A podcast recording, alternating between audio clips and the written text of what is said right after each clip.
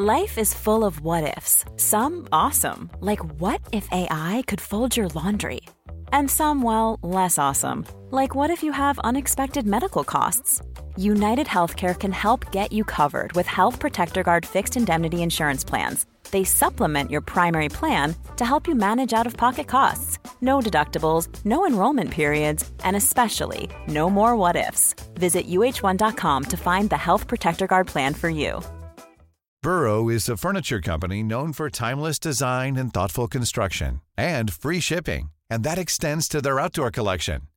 Their outdoor furniture is built to withstand the elements, featuring rust-proof stainless steel hardware, weather-ready teak, and quick-dry foam cushions. For Memorial Day, get 15% off your Burrow purchase at burrow.com slash ACAST and up to 25% off outdoor. That's up to 25% off outdoor furniture at burrow.com slash ACAST.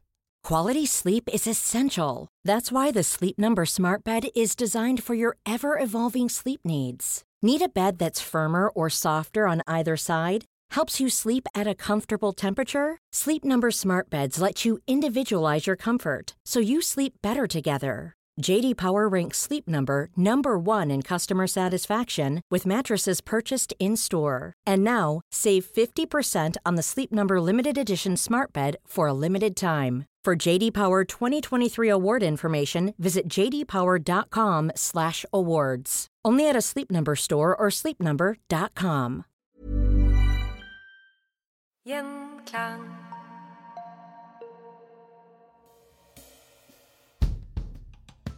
Knut Knutsen var en av de første fotografene som eh, var av et visst format i Norge. I fotografiets spede begynnelse så ble han av mange regnet som fotografen som skapte det norske bildet. Midt i en tid hvor Norge løsrev seg fra Sverige og en ny nasjon skulle formes, ble han en av de viktigste fotopionerene i landet.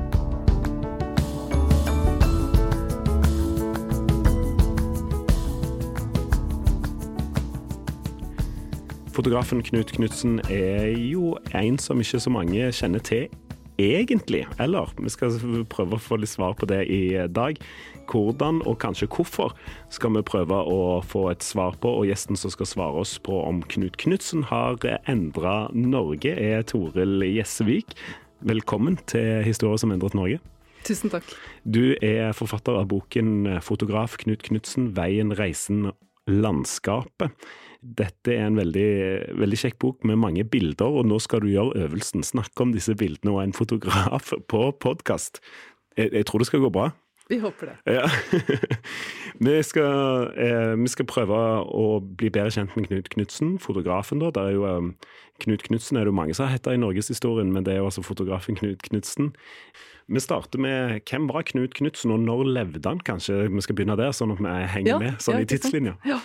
Han ble født i 1832, eh, og han levet til 1915. Mm. Eh, så, og var aktiv som fotograf da i mesteparten av 1800-tallets eh, siste halvdel. Ja. Fra 1860-tallet og fremover til 1900 ca. Ja. ja. Altså, Mitt utgangspunkt når vi snakket om dette meg og deg første gang, var jo at det var ikke så mange som drev på med fotografi på denne tida. Men så har jeg jo liksom lest meg litt opp og skjønt at dette her var jo var jo en, var jo en stor, uh, stor, greie. Vi kommer litt tilbake inn til det, men eh, vi, vi, kan gå litt sånn gjennom kronologisk livet hans først, for å bli litt sånn kjent med han. Uh, fra bondeslekt Odda, men flyttet mm. ganske tidlig til, til, Bergen. Ja, og han altså Hans foreldre var faktisk handelsfolk i Odda men måtte gi opp det.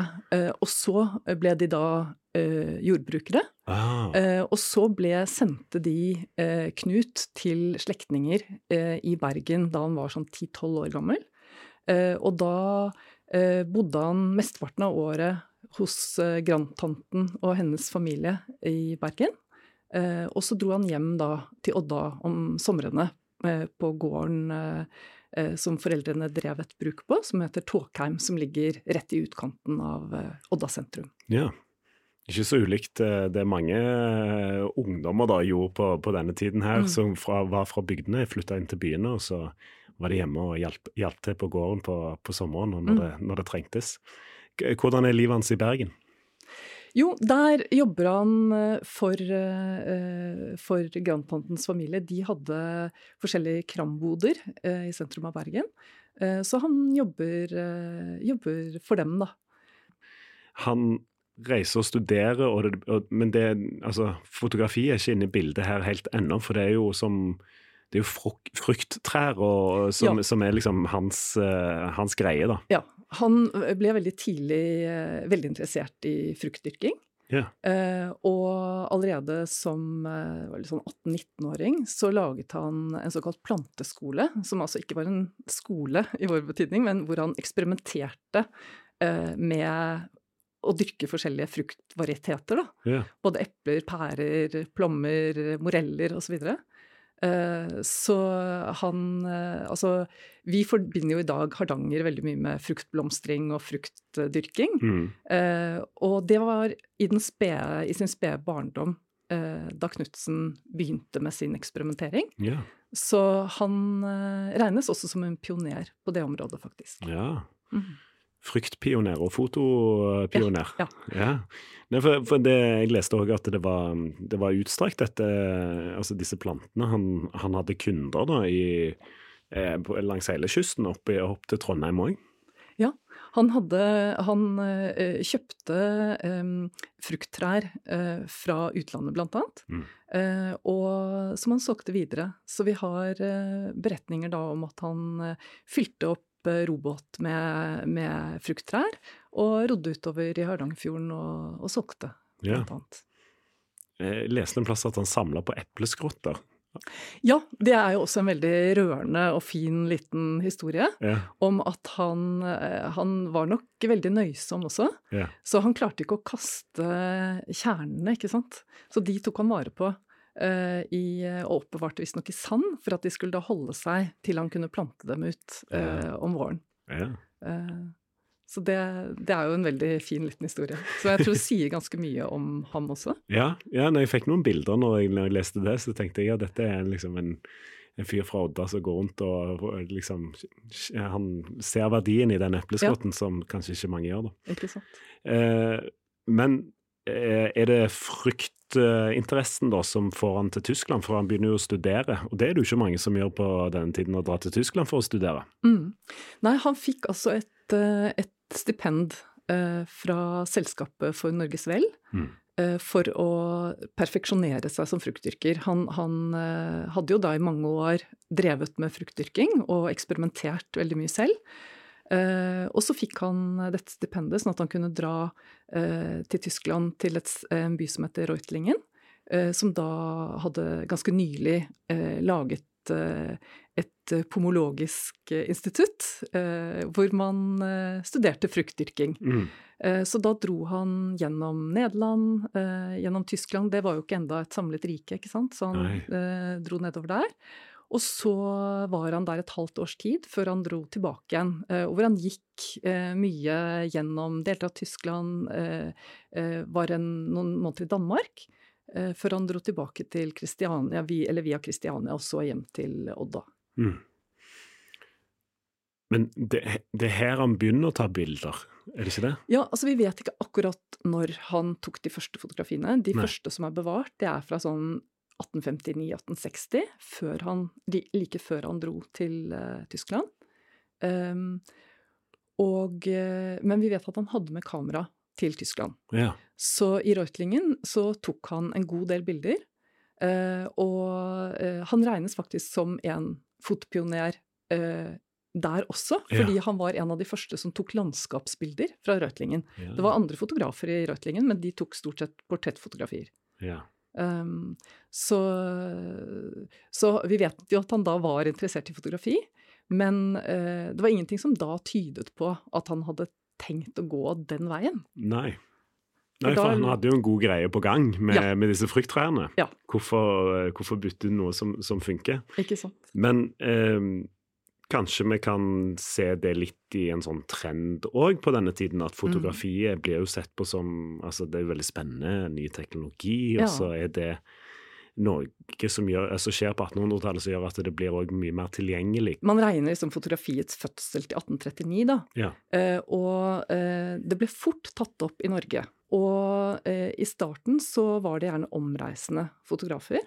Eh, og så etter hvert så begynner jo eh, de forskjellige byene å, å få fast etablerte fotografer. Og det er etter hvert mange, som du sier, som kastet seg på den bølgen.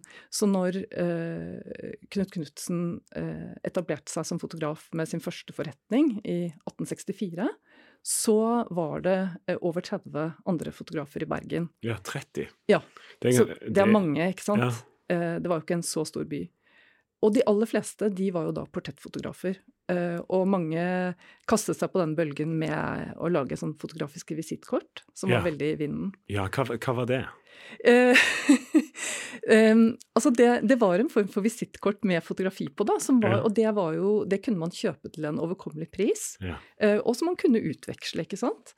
Um, så det ble veldig populært. og Knutsen tok jo også portretter. Eh, men han var veldig tidlig ute med å spesialisere seg som landskapsfotograf. Ja. Eh, og eh, mens da mange av disse andre fotografene i Bergen måtte gi seg fordi det ble en overetablering, så klarte han på en måte å finne en nisje da, i dette markedet. Ja. Som han klarte å utnytte på en veldig effektiv måte. Altså, De må sitte helt i ro, og det, ja. det, er, mye, det, det er mye old med disse bildene. da. Mm. Eh, så når du forteller meg at han da tar dette konseptet ut på landeveien. Ja. for å ta. Og Fordelen med et fjell er jo at det står i ro, da, tenker jeg. Men, ja. det, men det er jo ikke bare bare å ta bilder eh, og komme seg fram og ta, ta, landskapsfoto heller på denne tiden. Nei. Uh, han gjorde det ikke veldig lett for seg selv.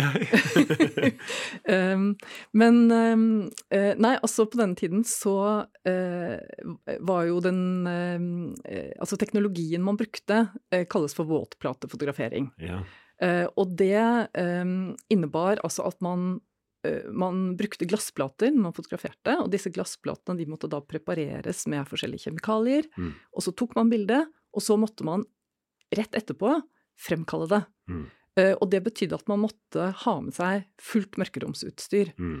uh, for å gjøre dette i felt. Uh, så han hadde jo med seg også da et portabelt mørkeromstelt. Mm. Og det fotograferte han også flere ganger, sånn at i, i, flere av bildene hans kan vi se dette teltet oppslått. Ja.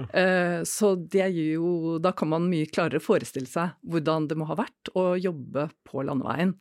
Uh, og det har jo vært altså et, et veldig omfangsrikt og tungt utstyr. Mm. Så han har nok mesteparten av tiden vært helt avhengig av skyss, og bruke det norske skyssystemet, da, hvor man kunne få eh, hest og vogn, gjerne med en eh, skysskar, mm. Eh, for alt dette utstyret. Og man kan jo bare tenke seg da, ikke sant, for hvert skyssskift så har man måttet om, ommøblere, ikke sant, skifte, ta alt utstyret over i neste vogn, ikke sant. Så ja. det, har, det har nok vært en ganske strevsom affære han er en fascinerende kombinasjon, fordi ja. han har jo åpenbart vært altså både eventyrlysten og eh, altså veldig nyskapende eh, som fotograf. Eh, samtidig som han helt klart også var en veldig dyktig forretningsmann.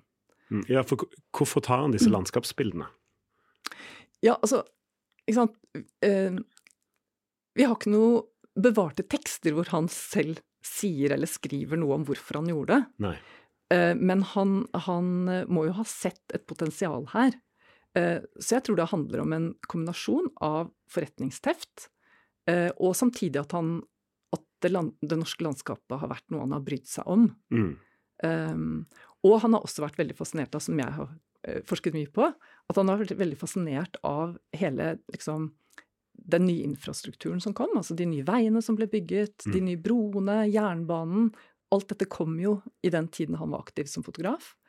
Og, så han, han tok jo for all del eh, hva skal jeg si, mer tradisjonelle landskapsbilder, men det er også veldig mange av bildene hans hvor han, hvor han på en måte dokumenterer og har med eh, og tar bilde av eh, disse nye veiene og broene og, og, jernbanen som selvstendig motiv. da.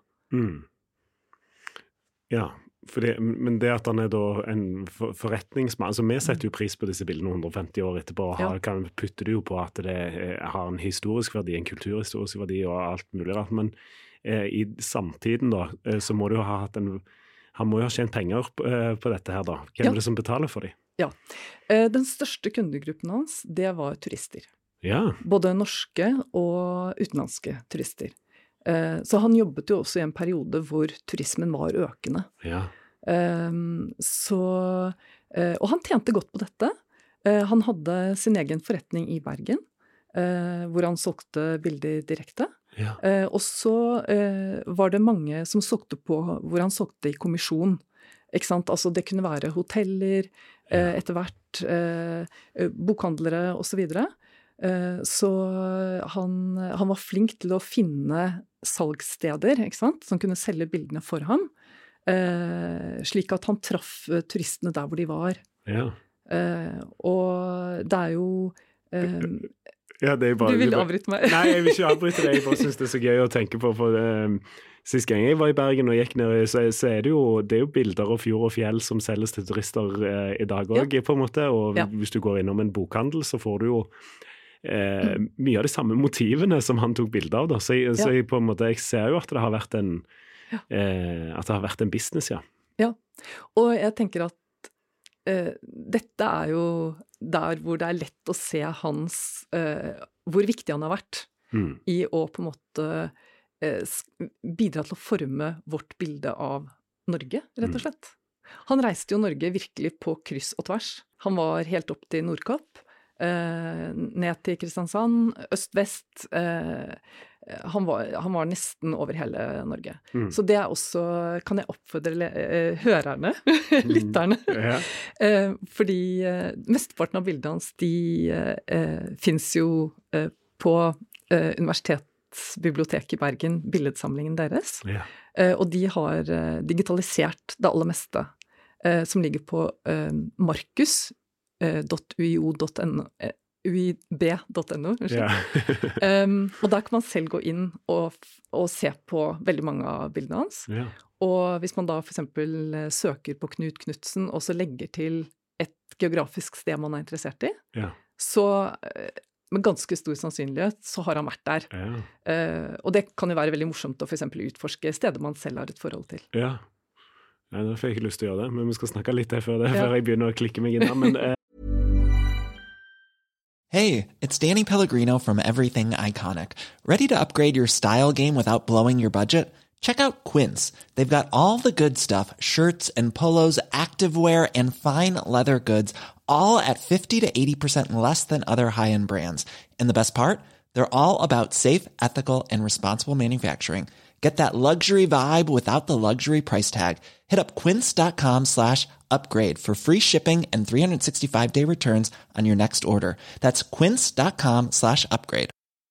A lot can happen in three years, like a chatbot may be your new best friend. But what won't change? Needing health insurance. United Healthcare Tri Term Medical Plans, underwritten by Golden Rule Insurance Company, offer flexible, budget friendly coverage that lasts nearly three years in some states. Learn more at uh1.com. Mom deserves the best, and there's no better place to shop for Mother's Day than Whole Foods Market. They're your destination for unbeatable savings, from premium gifts to show-stopping flowers and irresistible desserts. Start by saving 33% with Prime on all body care and candles. Then get a 15-stem bunch of tulips for just $9.99 each with Prime. Round out Mom's menu with festive rosé, irresistible berry chantilly cake, and more special treats. Come celebrate Mother's Day at Whole Foods Market. Eh, for det å For det er jo en, en ting er at uh, han treffer en bølge på at foto blir, uh, blir populært, og det er en teknolo teknologibølge, men det er jo noe med uh, som skjer med, med, vårt syn på Norge på denne tiden òg. Mm. mm. Den nasjonalromantikken som blomstrer, i, i, og vi ønsker å løsrive oss fra svenskene etter hvert. og så han treffer jo en bølge her òg. Og mm. her, når vi leser om om denne perioden på skolen, og sånn, så er det jo maleriene som, ja. som blir trukket fram. Ja. Men her gjør jo han det samme på dette nyskapende verktøyet fotografiapparatet. Ja, og det er jo veldig spennende. Ja. Og det som òg er veldig spennende, det er jo å se at han i komposisjonene sine Noen steder så kan man helt klart se at han kjenner til malertradisjonen. Ja. Så noen ganger legger han seg tett opp til de eh, komposisjonene som malerne har utviklet. Mens andre ganger så eksperimenterer han veldig fritt. Ja. Eh, så han gjør på en måte begge deler, og det er veldig eh, spennende å se på, da. Mm. At han eh, både kjente denne mal maleritradisjonen, eh, og samtidig så eh, prøver han også ut dette nye mediet, da. Mm. Eh, så for eksempel Han tok jo masse bilder fra Stalheim og Stalheimskleiva. Mm. Uh, og mange vil jo kjenne Isedals uh, store maleri fra Stalheim. Uh, og der kan man se akkurat det. At han både lar seg inspirere av Isedal og andre malere som har malt dette motivet tidligere. og så gjør han også noe helt annet. Og på en måte vender ryggen til utsikten, f.eks. Mm. Og, og dokumenterer mens han drar oppover denne veien, som var relativt ny på den tiden. Ja. Ja, for, for, han har en fascinasjon for veiene. Det har han helt klart. Ja. ja. Og det er jo veldig, det er veldig fascinerende å se hvordan han eh, hvordan han på en måte uh, er opptatt av å også vise sin egen Hvordan han kom frem med dette landskapet. Mm. Så han er liksom så opptatt av begge deler. Altså ja. både uh, veiene og naturen han drar gjennom, da. Ja, for det er jo litt sånn, det er jo litt sånn eventyrgenet, kanskje, òg. Mm. For, for, når du sier at han tar bilder av han tar jo bilder av fotoutstyret sitt òg, ja. at du har dette teltet og sånn. Så når jeg så de bildene, så lurte jeg liksom på hvorfor i all verden gjør han det? Hvorfor tar han det ikke vekk, liksom? Ja. Eh, ja. Men det er, helt, det er, jo helt, bevisst. Hva han vil fortelle med det? Ja, um, altså, I, i, i, sant, Når du ser for deg bildet, et naturskjønt mm, område, og alt, det liksom ser ut som uberørt natur ja. noen ganger. Og så står det eh, eh, den kappen, eller det, dette mørk, Mørkeromsteltet. Mør, mørkeromsteltet, ja. Eh, hvorfor gjør han det? Jeg tror at han eh, har ønsket på en eller annen måte å vise frem eh, hva skal jeg si, hva det innebar å, å eh, gjøre det han gjorde. Ja. Eh, og at det er en form for sånn selvrefleksjon da, i, i, dette, og en form for selvfrem, eller å, å, å vise frem. Eh, ja. Hvordan fikk jeg til dette her? Selvrefleksjon, vil, selvskryt ville jeg kalt det. ja, det er jo litt det, er det ikke det? Eller kanskje? Det kan tolkes sånn. Og ja. igjen, så vi, altså, vi har jo ikke hans ord, vi må, vi må bruke bildene. Ja. Uh, og da kan man spekulere litt. Uh. Men var, det finnes ikke så veldig mange bilder av han, så det at han bruker det, så kanskje det er liksom det er liksom hans måte å ta bilde av seg sjøl på? Ja, det, det syns jeg er en veldig interessant tanke. Fordi mm. han vi har, vi har, jo noen fotografier av ham, men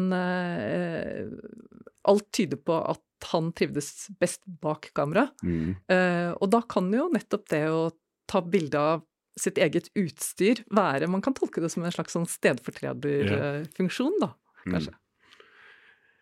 Vi var litt innom at turistene var, var, kunder, men jeg har jo òg eh, fått med meg at uh, disse nevnte malerne altså at mm. han, hadde, han, hadde, en kategori bilder som han tenkte dette, dette skal jeg selge til malere. Ja, Eh, han hadde en eh, liten eh, produksjon som han kalte Motiv for malere. Ja. Um, og det er, det er, først og fremst mer sånn folkelivsbilder, egentlig. Ja. Um, som, Bilder av folk? Ja. Mm. ja i, i, forskjellige situasjoner. Han, han, har en stor produksjon av folkelivsbilder hvor han uh, tok bilde av forskjellige hverdagslige situasjoner. Mm. Mye fra denne gården Tåkheim. Mm. Eh, han var nok klar over at dette var eh, At den livsformen, da, var litt på hell. Ja. Eh, og at han var litt sånn opptatt av å vise frem ja, hvordan man gjorde eh, ikke sant, forskjellige oppgaver. Og, så han, han har mange eh, bilder innenfor den kategorien. Og så, og så, er det noen av de som han da har definert som eh, motiv for malere. Mm. Um, der tror jeg det er en eh, jobb å gjøre. Altså forske mer i, i, akkurat den delen av produksjonen hans. Ja. Eh, så eh, per nå så tror jeg ikke man vet så veldig mye om f.eks. hvor mye solgte de eh, Og til hvem? Ja, ikke sant. Ja. Der, er det, der, er det, en oppgave å gjøre. Ja. Mm. Men du får bare begynne. men, men, jeg tenker, eh, de bildene syns jeg er veldig gøy. De, hvor han tar bilder av fiskere i fjæra og liksom ja. For de er, For noen av de maleriene som fins fra denne tiden, er jo litt sånn litt det blir det jo noen av de litt grandiose, sant? Mm. men det blir så nedpå, det blir så mm. gjenkjennbart. Mm. Det er 150 år siden disse bildene er tatt, men det er liksom, du ser, det, du ser liksom blikkene på, eh, på, disse menneskene på en måte som gjør at du Du klarer lettere å sette deg inn i den situasjonen som de står i, enten om mm. det er å eh, ta opp fisk, eller om det er noe annet. Eh, det er veldig, veldig fine bilder, altså. Ja, absolutt, og jeg er helt enig med deg at de, de har en sånn Uh, fin hverdagslighet. Ja. Uh, selv om de nok uh, Dette er jo ikke snapshots, Nei. ikke sant? Nei. Fordi teknologien også tilsa at dette måtte på en måte regisseres. Ja. Men han har jo da ofte brukt folk som han kjente. Ja. og det skulle jeg tippe har bidratt også til at han klarer å få til en sånn type hverdagslighet i de bildene. Ja, for det, det er jo noe Altså eh, Ja, selvfølgelig så er jo alle, alle stager, som jeg eh, mm. sier, men det er jo eh, det er ikke det inntrykket jeg får på noe, altså på mange av dem så, så, ser det ikke så polert ut, på en måte. at mm. Eh, du får ikke inntrykk av at nå, nå har de gått og funnet fram finklærne for å liksom bli tatt bilde av. Her er, det, her er det noe annet. Så jeg, jeg, jeg kjøper i hvert fall eh, De har større mm. troverdighet, de bildene, enn mange andre bilder. da. Mm. Uh, jeg har litt lyst til å snakke litt om dette nettverket han så, og den reisevirksomheten. Altså ja. han eh, Hvor stor er han i denne tiden? Er han liksom en kjent, eh, fot, kjent stor fotograf, eller hva er posisjonen hans? Ja, altså eh, I Norge så var han jo eh, en av de eh, viktigste fotografene innenfor landskapsfotografi jeg kan ikke påstå at han var verdenskjent, men mm. han hadde et stort nettverk som eh, gikk langt utenfor Norges grenser. Mm. Eh, han hadde kunder i flere steder i USA, Eh, i Tyskland, i mange europeiske land. Eh, han solgte bilder til eh, Kunstakademiet i St. Petersburg. Yeah. Han hadde en kunde i Australia. Yeah. Yeah. Så dette er ting vi kan lese ut av, av bevart forretningskorrespondanse, hvor man får inntrykk av dette nettverket. Mm. Og så deltok han på en god del utstillinger, blant annet tre eller fire verdensutstillinger. Sånn at Eh, og da også via turister som var i Norge, så har jo bildene hans fått eh, en spredning, da. Mm. Har han endra Norge? Du visste det kom, det spørsmålet? Ja, jeg visste at det kom.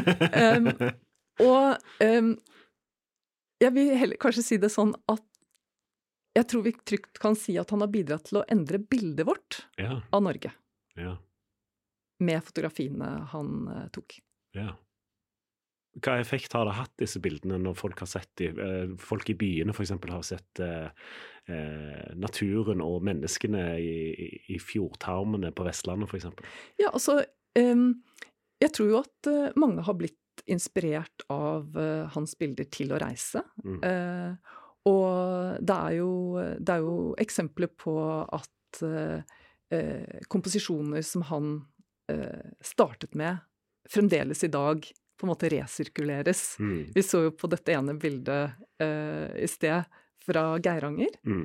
uh, hvor uh, vi ser liksom ned på Geirangerfjorden. og så er det en sånn liten fjell... ja, en liten bergknatt som stikker ut, hvor det står en liten person, ikke sant. og det er jo en sånn type komposisjon som du kan gå inn i nesten hvilken som helst bokhandler og se på sånn norgeskalender, og så finner du en variant av akkurat det bildet der. Mm. Så det er ikke noe tvil om at han har et stor påvirkning på, ja, på hvordan, hvordan, vi ser på Norge, og, og det å liksom definere ståstedene. ikke sant? Hvor er det vi ønsker å se utsiktene fra? Hvilke deler av landet er det vi særlig ønsker å se, se, på, ikke sant? Mm. Og med hvilket blikk vi ser landskapet på, da. Mm. Det er sprøtt å tenke på hvor mange bilder som blir tatt i den norske fjellheimen en, en sommer mm. liksom, i dag, og tenke på det arbeidet som lå, lå bak ett sånn blinkskudd. Men um, en ting som, som uh, vi ser, er jo at komposisjonen er viktig for å få et godt bilde. da. Og det, det, er jo også veldig morsomt å se hvordan uh, altså han, Særlig tidlig i karrieren sin så var han ganske eksperimentell. Uh, og så ser man etter hvert så ser man på en måte at han finner liksom noen komposisjoner som han antagelig da er mer fornøyd med.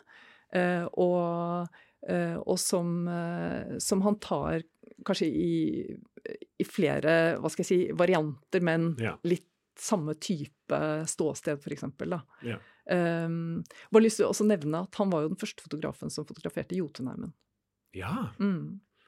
Og det er sikkert flere, flere, flere knauster han har vært først på òg. Mm. Når du ser på den reisevirksomheten han har gjort. Men ja. uh, Jotunheimen henger jo høyt.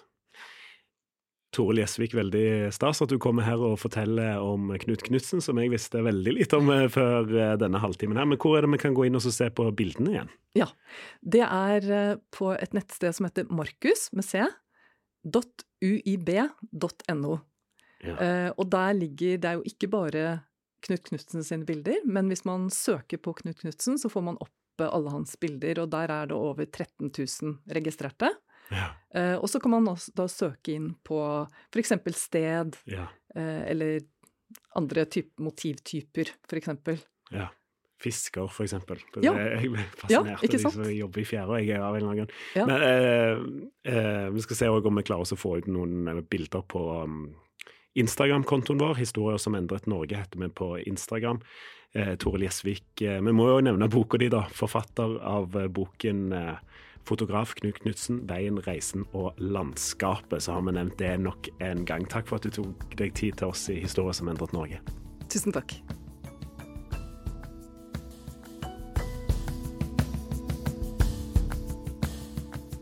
Hvis du er glad i historier som endret Norge, så vil du òg like historier som endret verden. Kollega Kristian Konglund han eh, kommer med en ny episode hver torsdag. Og nå på torsdag så kommer han med en splitter ny episode av Historier som endret verden. Ta og Sjekk ut eh, den.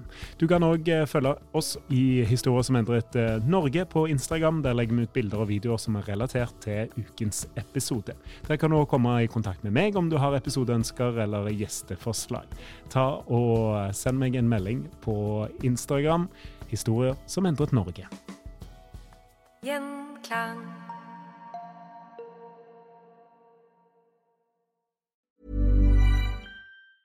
Mom deserves the best, and there's no better place to shop for Mother's Day than Whole Foods Market. They're your destination for unbeatable savings, from premium gifts to show-stopping flowers and irresistible desserts. Start by saving 33% with Prime on all body care and candles. Then get a 15-stem bunch of tulips for just $9.99 each with Prime. Round out Mom's menu with festive rosé, irresistible berry chantilly cake, and more special treats. Come celebrate Mother's Day at Whole Foods Market.